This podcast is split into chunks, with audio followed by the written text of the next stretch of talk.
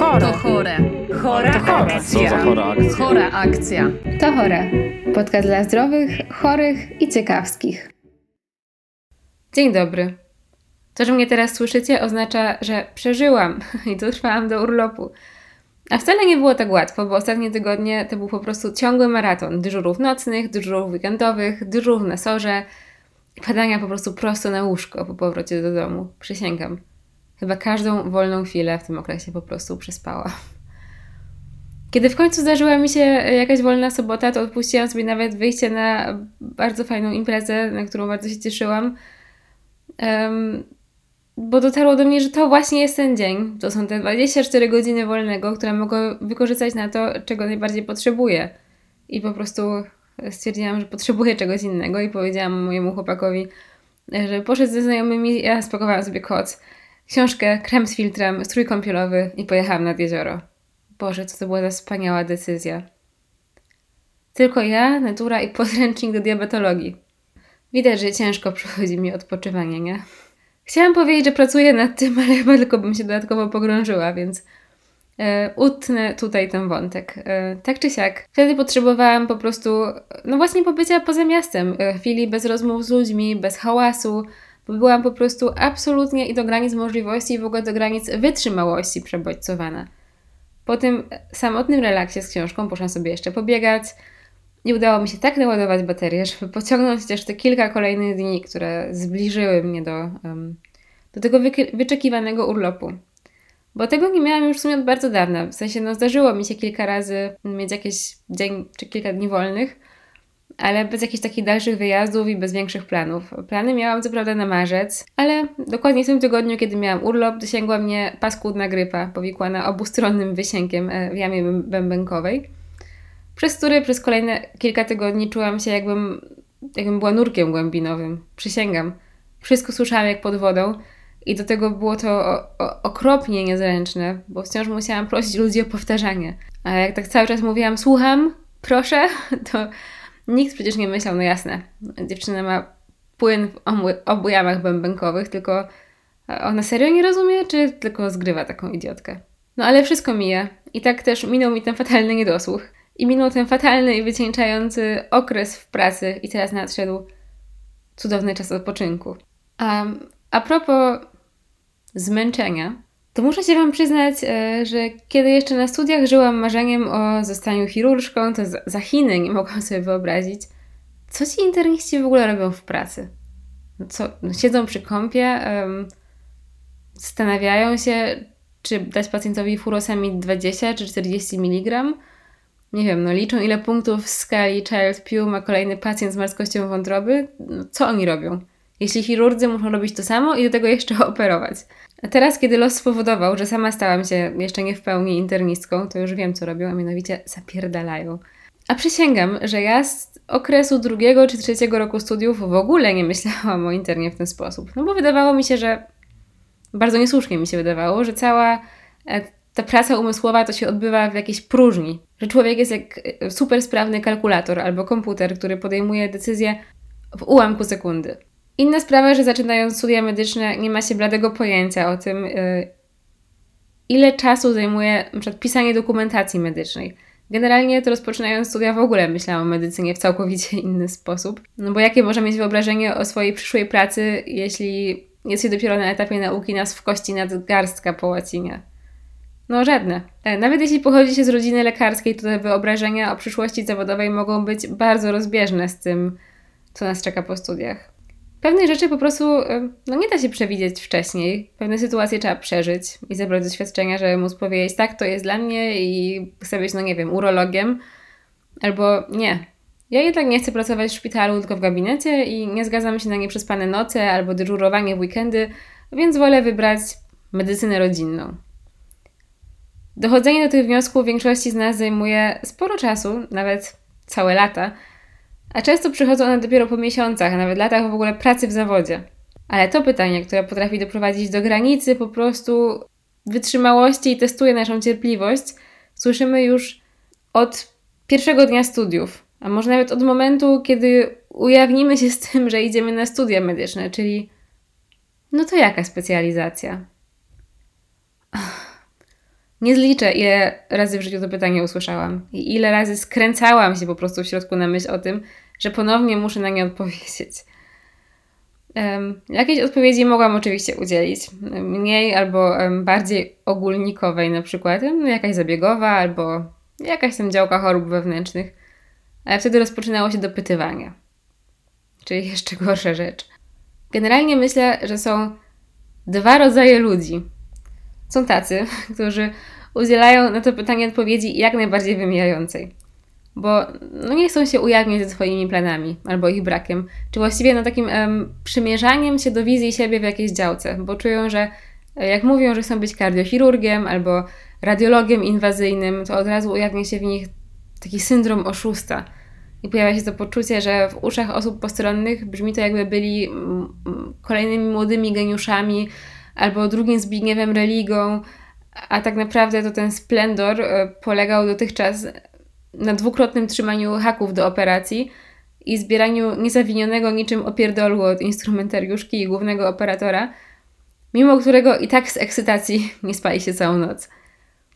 Wypowiadanie na głos tego życzenia, żeby kiedyś być jak ten główny operator, e, sprawia, że od razu wydaje e, się nam być ono po prostu naiwne, bo do realizacji tego planu jest nam jeszcze bardzo daleko, a poza tym to, czy on się w ogóle powiedzie, wcale nie zależy tylko od nas, naszej chęci, determinacji, pracy, ale od wielu innych losowych czynników, e, jak na przykład pytania na lekarskim egzaminie końcowym, albo liczba miejsc rezydenckich w danej turze, czy liczebność potomstwa danego profesora, które w tym samym czasie będzie ubiegać się o dane miejsce w trybie pozarezydenckim i z oczywistych względów będzie miało przewagę. I kto nam później uwierzy? Że to nie nasze lenistwo spowodowało, że nie zostaliśmy tym drugim religą? Czy będzie nam e, się chciało tłumaczyć, że pytania egzaminacyjne nie mają nic wspólnego z rzeczywistością? Która z ciotek uwierzy w historię o tym, że ktoś nam zgarnął miejsce sprzed nosa, bo miał w rekrutacji 0,2835 punkta procentowego więcej? I najważniejsze pytanie, czy chcemy się w ogóle narażać na te e, gorzkie chwile i brnąć te wszystkie tłumaczenia? A co jeśli nam się odechce operacji wad wrodzonych serca i dojdziemy do wniosku, że ważniejsze jest dla nas, no nie wiem, podróżowanie po świecie albo poświęcanie czasu rodzinie? Czy będziemy chcieli słuchać historii o tym, jak bratanica chciała być e, pionierem nauki, a skończyła w przychodni?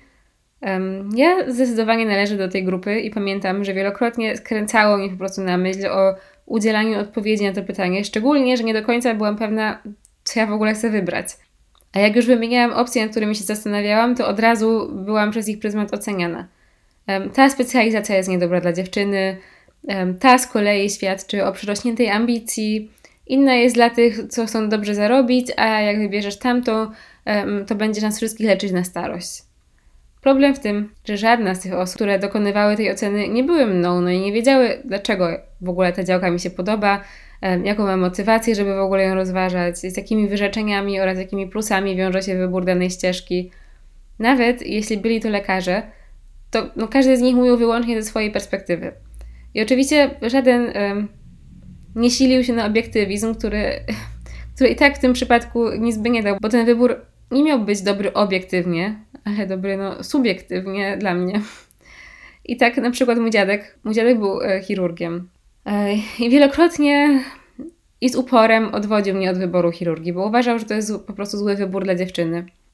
Chociaż generalnie zdarzało się, że sam narzekał na pracę chirurga, to ja, ja osobiście no, nie sądzę, żeby sam wybrał inną drogę kiedykolwiek. No, on był w końcu tą osobą, która w Boże Narodzenie na jednym końcu stołu wigilijnego e, rozłożyła stanowisko do szycia chirurgicznego i uczyła mnie, jak szyć świńskie jelito, bo zapisałam się na studiach na konkurs szycia chirurgicznego. E, to on sprawdzał każdy szef jeden po drugim. A kiedy którykolwiek nie trzymał idealnie, to oddawał całość do poprawy i widziałam, jak uśmiechał się do siebie i jak zaszkliły mu się oczy, kiedy szybko załapałam, jak skutecznie i estetycznie szyć. Pamiętam trochę też z dzieciństwa i wiem z opowiadań, jak pochłaniała go ta praca. I chociaż sam wciąż był jej oddany, to powtarzał mi niezmiennie: Chirurgia nie jest dla dziewczyn. Ale co to znaczy? Co to co w ogóle jest dla dziewczyn? I skąd ktokolwiek wie, co jest dobre dla mnie? No więc do tych osób, które migają się od odpowiedzi, należy między innymi ja. Ale jest też um, ten drugi typ ludzi, których staram się zrozumieć, a więc ci, którzy na te pytania odpowiadają wręcz z chęcią i z dumą. Bo przecież chcą zostać mistrzami chirurgii naczyniowej. Czy może być e, lepszy plan na życie? Może inni będą powtarzać, żeby nie zapeszali, ale może właśnie e, wypowiadanie tego planu na głos jest takie zaklęcie, które ma ten upragniony cel do Was przybliżyć. Dlaczego nie mielibyśmy wierzyć, że nam się uda? No to zaczyna brzmieć trochę coachingowo, jak słyszycie, i dlatego do tego podejścia jest mi generalnie daleko, ale zauważyłam w tym pewne plusy. A mianowicie brak tego ciągłego rozmyślania i zamartwiania się, tego co po angielsku nazywa się overthinking, a po polsku nie ma nazwy, czyli rozkładania wszystkiego na czynniki pierwsze i obracania ich osobno w myślach, oglądania ze wszystkich stron i wypisywania listy wszystkiego, co tylko może pójść nie tak. A może po prostu lepiej założyć, że po prostu będzie dobrze? Ja tak nie umiem. Jeśli ktoś potrafi, to gratuluję i zazdroszczę i mam nadzieję, że tym osobom rzeczywiście jest takim podejściem łatwiej. Z drugiej strony może ono wydawać się trochę naiwne, no bo jak podpowiada mi mój wewnętrzny krytyk, tyle rzeczy może po, po prostu się po drodze spieprzyć, a my nie mamy na nie żadnego wpływu. A do tego no, też może wyglądać tak trochę pyszałkowato. Ale może właśnie w tej pewności siebie jest metoda. Oczywiście są też tacy, którzy od początku studiów mówią, że wiedzą czego chcą i wcale nie wybierają niszowej działki, tylko wprost mówią, że ich celem jest na przykład medycyna rodzinna, bo chcieliby przejąć gabinet po rodzicach. To jest chyba najmniej liczna grupa, a jeszcze inna sprawa to to, ile z nich kończy rzeczywiście tam, gdzie początkowo zaplanowało. No właśnie, ile z nas w ogóle kończy tam, gdzie kiedyś chcieliśmy być? Gdybym spróbowała Wam teraz zrobić listę specjalności, które chciałam wybrać, to nie wiem, czy w ogóle pamiętałabym wszystkie z nich. No ale spróbujmy. Idąc na studia, w ogóle nie chciałam pracować z pacjentami, ale tylko i wyłącznie w badaniach naukowych. Szczególnie interesowały mnie tematy związane z funkcjonowaniem układu nerwowego, z układem nerwowym w ogóle. Stąd też w pewnym momencie zaczęłam się jednak zastanawiać nad neurologią, która jednak odeszła na dalszy plan, bo odkryłam sobie pociąg do chirurgii. I tak przez długi czas wahałam się między neurologią a neurochirurgią. W końcu odrzuciłam neurologię, ale spodobała mi się wtedy um, chirurgia dziecięca, potem chirurgia naczyniowa. Przez jakiś krótki moment e, rozważałam też pediatrię, chyba jeszcze krótszy psychiatrię, po czym w końcu spodobała mi się hematologia i onkologia, ale też wróciły myśli o neurologii.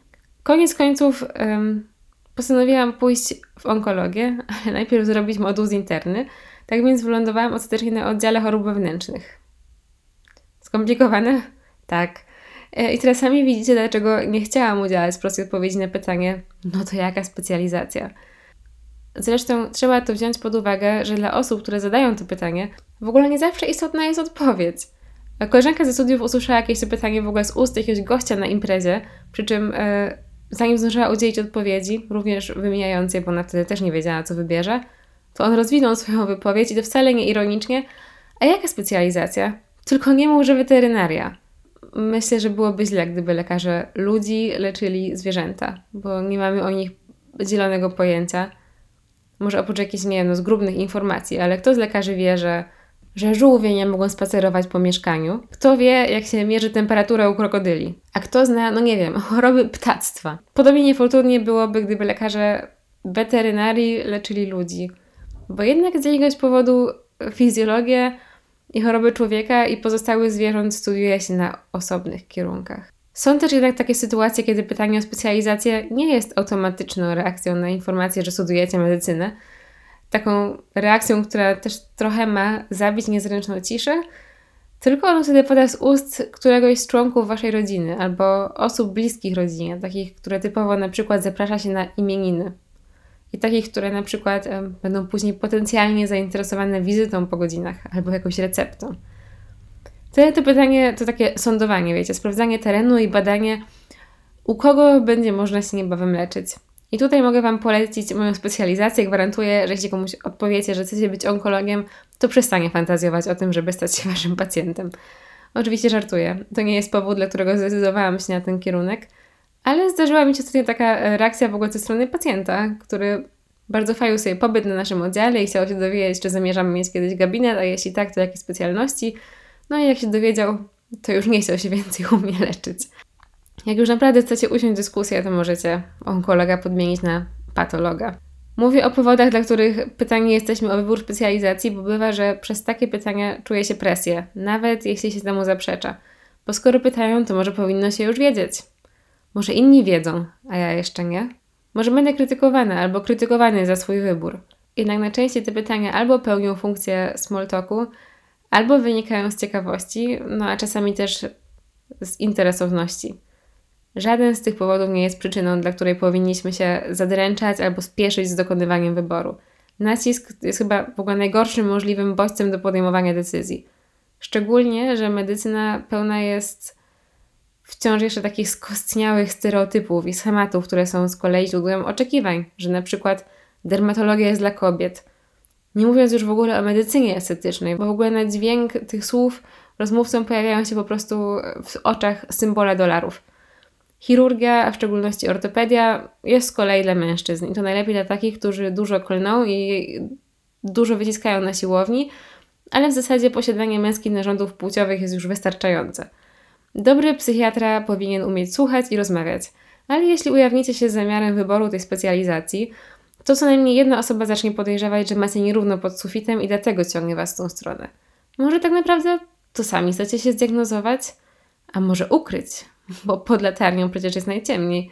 Anestezjologia jest z kolei dla introwertyków. Jak powiecie, że chcecie być radiologiem, to zdziwią się, że to w ogóle jest lekarz, ale raczej pochwalą, bo, no bo do, dobre zarobki. Podobnie za endokrynologa, ale o jego istnieniu już wszyscy wiedzą, bo przecież każdy ma, ma tarczycę i od razu ustawi się do Was kolejka po, po L-Tyrox. Medycyna rodzinna też dobra dla kobiet, bo pozwala się zająć dziećmi, a wiadomo, to zadanie, które może wykonywać tylko matka. Na myśl o medycynie sądowej wszystkim przychodzą dreszcze i trochę zaczynają się martwić o Was i o siebie, ale mimo to wypytują Was, jak wygląda sekcja zwłok i który przypadek Was szczególnie zszokował. Jeśli macie w rodzinie kogoś wybitnego w dowolnej dziedzinie medycyny, to będziecie zapewne pod presją, żeby kontynuować tę tradycję i przejąć um, tą chwałę i sławę, nawet jeśli to jest jakaś niszowa dziedzina, która Was nieszczególnie interesuje. Jeśli nie, to może nacisk będzie na coś, w czym po prostu więcej się zarabia, nie wiem, okulistyka albo endokrynologia. Ta lista oczekiwań się po prostu nie kończy. Część tych stereotypów ma w sobie jakieś chociażby mikroskopijne źródło prawdy, ale większość z nich no jednak niewiele ma wspólnego z rzeczywistością. Na przykład medycyna estetyczna, która dodam tutaj, bo nie powiedziałam tego wcześniej, nie jest notabene specjalizacją, ale takim kursem, opłaca się, ale nie każdy się w niej odnajdzie. Może niektórzy wolą jednak tą adrenalinę i pracę z ostrymi przypadkami, a może nie mają ręki do drobnych, precyzyjnych zabiegów. Radiologia może być pracą marzeń, kiedy siedzicie sobie z laptopem w jakimś kraju na drugiej półkuli i opisujecie zdjęcia skandynawskich pacjentów, ale podczas rezydentury czeka Was też yy, ogromna presja, bo oglądacie tomografię wykonywane na CITO u pacjentów SOR-u, jednocześnie dzwonią do Was lekarze z oddziału z pytaniem, czemu nie ma jeszcze opisu, a Wy dopominacie się po raz kolejny, że przed badaniem pacjentom trzeba oznaczyć TSH. W chirurgii liczy się nie płeć, a umiejętności manualne, które nie są tożsame z siłą, Specjalizacja, w której ponadprzeciętnie się zarabia, będzie dobra dla waszego portfela, ale może oczekujecie od pracy czegoś innego, na przykład, nie wiem, no mniejszego stresu i rywalizacji. Myślę, chociaż to są moje osobiste przemyślenia, że to są tak naprawdę rzeczy, które warto rozważyć. To, w czym czujemy się mocni, co nas interesuje, co jest dla nas ważne, rozwój naukowy, czas dla rodziny i przyjaciół, a może, może przede wszystkim po prostu stabilność finansowa. Czy chcemy pracować w trybie dyżurowym, czy to kompletnie nie dla nas?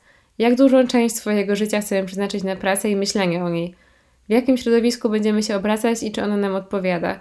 Czy chcemy podejmować pracę w dziedzinie, w której pacjenci często umierają? Nie powiem Wam, które z tych pytań jest najważniejsze, bo nie wiem, ale myślę, że warto sobie je zadawać wielokrotnie, na różnych etapach. Bo odpowiedzi mogą się zaskakująco zmieniać z czasem. Studia medyczne trwają na tyle długo, że Wasze wyobrażenie na początku może być całkowicie inne niż na końcu, i to jest ok, bo macie czas, żeby poznawać różne twarze medycyny i po prostu zmieniać zdania. Ten czas warto też wykorzystać na rozmowy z osobami, które daną specjalizację wybrały i których opinia byłaby dla Was istotna. Oczywiście to pytanie, to jaka specjalizacja, nie jest jedynym, które pada między barszczem z uszkami a karpiem albo podczas imprezy imieninowej cioci, a właściwie na tym pytaniu się po prostu nie kończy. Bo jak już wybierzecie specjalizację, to pojawiają się kolejne sprawy do odhaczenia. Kiedy chłopak albo kiedy dziewczyna? A kiedy ślub? A kiedy dziecko? A kiedy dom? A kiedy kredyt? Przysięgam, że ta lista to się chyba nigdy nie kończy. I niemal zawsze jest taka sama, niezależnie od tego, jak bardzo się od siebie różnimy i w jak różnym tempie ją realizujemy, albo czy w ogóle chcemy ją realizować. I to jest moja obserwacja z ostatnich lat, kiedy już podjęłam pracę w zawodzie i zdałam sobie sprawę z tego, jak bardzo różny tryb życia mają rezydenci. Jedni są w związku małżeńskim, mają dwójkę dzieci i psa, inni są jak ja, bezdzietni, bez zwierząt, w nieformalnym związku. Jeszcze inni są singlami z wyboru, a niektórzy są już po rozwodzie. Niezależnie od wyboru, wszyscy konfrontujemy się jednak z tymi samymi pytaniami, ja w oczekiwaniami.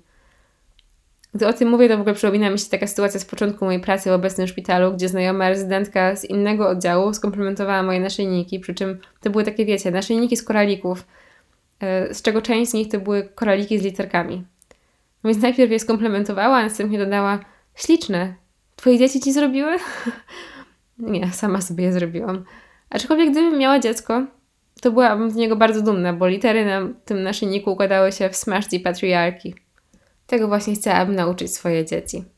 Zanim skończę, chciałam Wam jeszcze powiedzieć, że założyłam podcastowy Instagram, który jest teraz podlinkowany w opisie podcastu i będą tam się pojawiały informacje o nowych odcinkach i czasami jakieś też dodatkowe informacje.